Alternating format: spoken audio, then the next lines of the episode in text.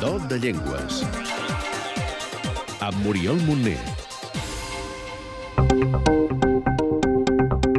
Nom, Rus, àrea geogràfica, Rússia, parts de les antigues repúbliques soviètiques i parts de Finlàndia, Polònia, Romania i Bulgària. nombre de parlants, 155 milions. situació o estatus legal, Oficial a Rússia, Bielorússia, Abkhàzia, Transnístria i Gagaúzia. Reconeixement legal, protecció genèrica o sense reconeixement a la resta de territoris. família o origen, Indoeuropea, branca, eslava, grup, oriental, sistema d'escriptura, alfabet cirílic.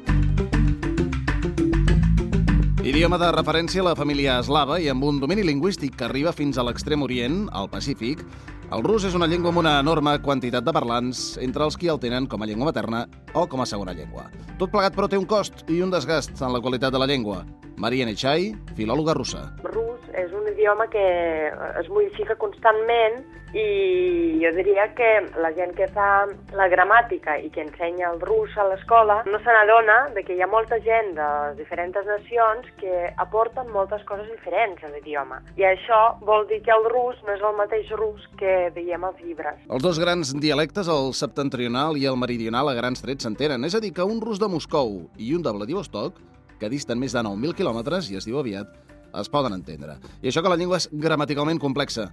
Només un exemple. En Rússia, quatre verbs diferents per dir que anem a algun lloc. Un per si anem a peu i sovint. Un altre per si anem a peu, però només un cop. Un tercer per si anem en transport i sovint. I el quart per si anem en transport, però només un cop. Déu-n'hi-do. algunes curiositats. En el món de les llengües hi ha de tot, fins i tot algunes que, com el cas que ens ocupa, per més increïble que sembli, no utilitzen un verb tan necessari per expressar estats d'ànim o qualitats com el verb ser en el present. Us podeu imaginar parlar sense dir el verb ser? El verb ser o estar existeix, de fet, mm, i en passat i en futur sí que l'utilitzem. L'únic que eh, les formes de present eh, s'han quedat obsoletes i només el pots trobar per dir jo tinc una cosa, doncs allà sí que apareix aquest verb en tercera persona, en el singular, Vosaltres sorpresos?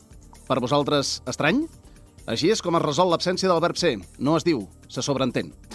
En fi, deixem la gramàtica. Us heu preguntat mai per què es diu russa, aquella amanida tan famosa? No n'és pas de russa. És una creació francesa i a Rússia es diu així. es diu Olivier, que era un cuiner francès que vivia a Moscou. Llavors al seu restaurant mm, feien una, una espècie d'amanida i era tan famosa, tan famosa, que després quan van arribar mm, els soviètics eh, van dir, vale, doncs aquesta la canviem. Doncs aquesta versió una mica modificada és la que es coneix a tota Europa com l'amanida russa. I les muntanyes russes? En rus se'n diuen americanes. En tot cas, les que es diuen russes són diferents. si agafes un tros de, de terra, el fiques un, amb una mica d'inclinació, li fiques una mica d'aigua i amb les baixes temperatures de Rússia es congela, això s'utilitzava a les festes i els nens baixen per allà amb una espècie de plàstic o un tros de cartró, que això sí que és una muntanya russa. Quatre pinzellades de la llengua. Aprenem quatre coses de la llengua de Tolstoi. Per dir hola tenim l'opció més educada i la col·loquial. Здравствуйте o привет. I si volem desitjar bon dia, Доброе утро. marxem. Dues maneres de dir adeu. До свидания и пока. Bona nit. Доброй ночи. Doncs moltes gràcies. Большое спасибо. De res. Не за что. I ara una mica més. Escolteu el programa Do de Llengües cada setmana a Catalunya Informació. Слушайте каждую неделю программу «До до Енгуас» на Catalunya Informació.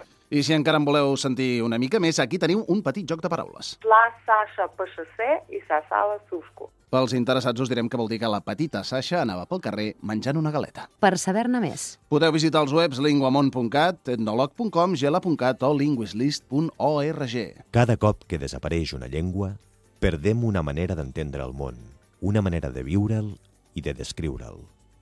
Cada cop que desapareix una llengua, ens fem més pobres, més homogenis i perdem una oportunitat d'enriquir-nos amb l'aportació de l'altre. aquest espai es fa amb el suport de Linguamont, Casa de les Llengües.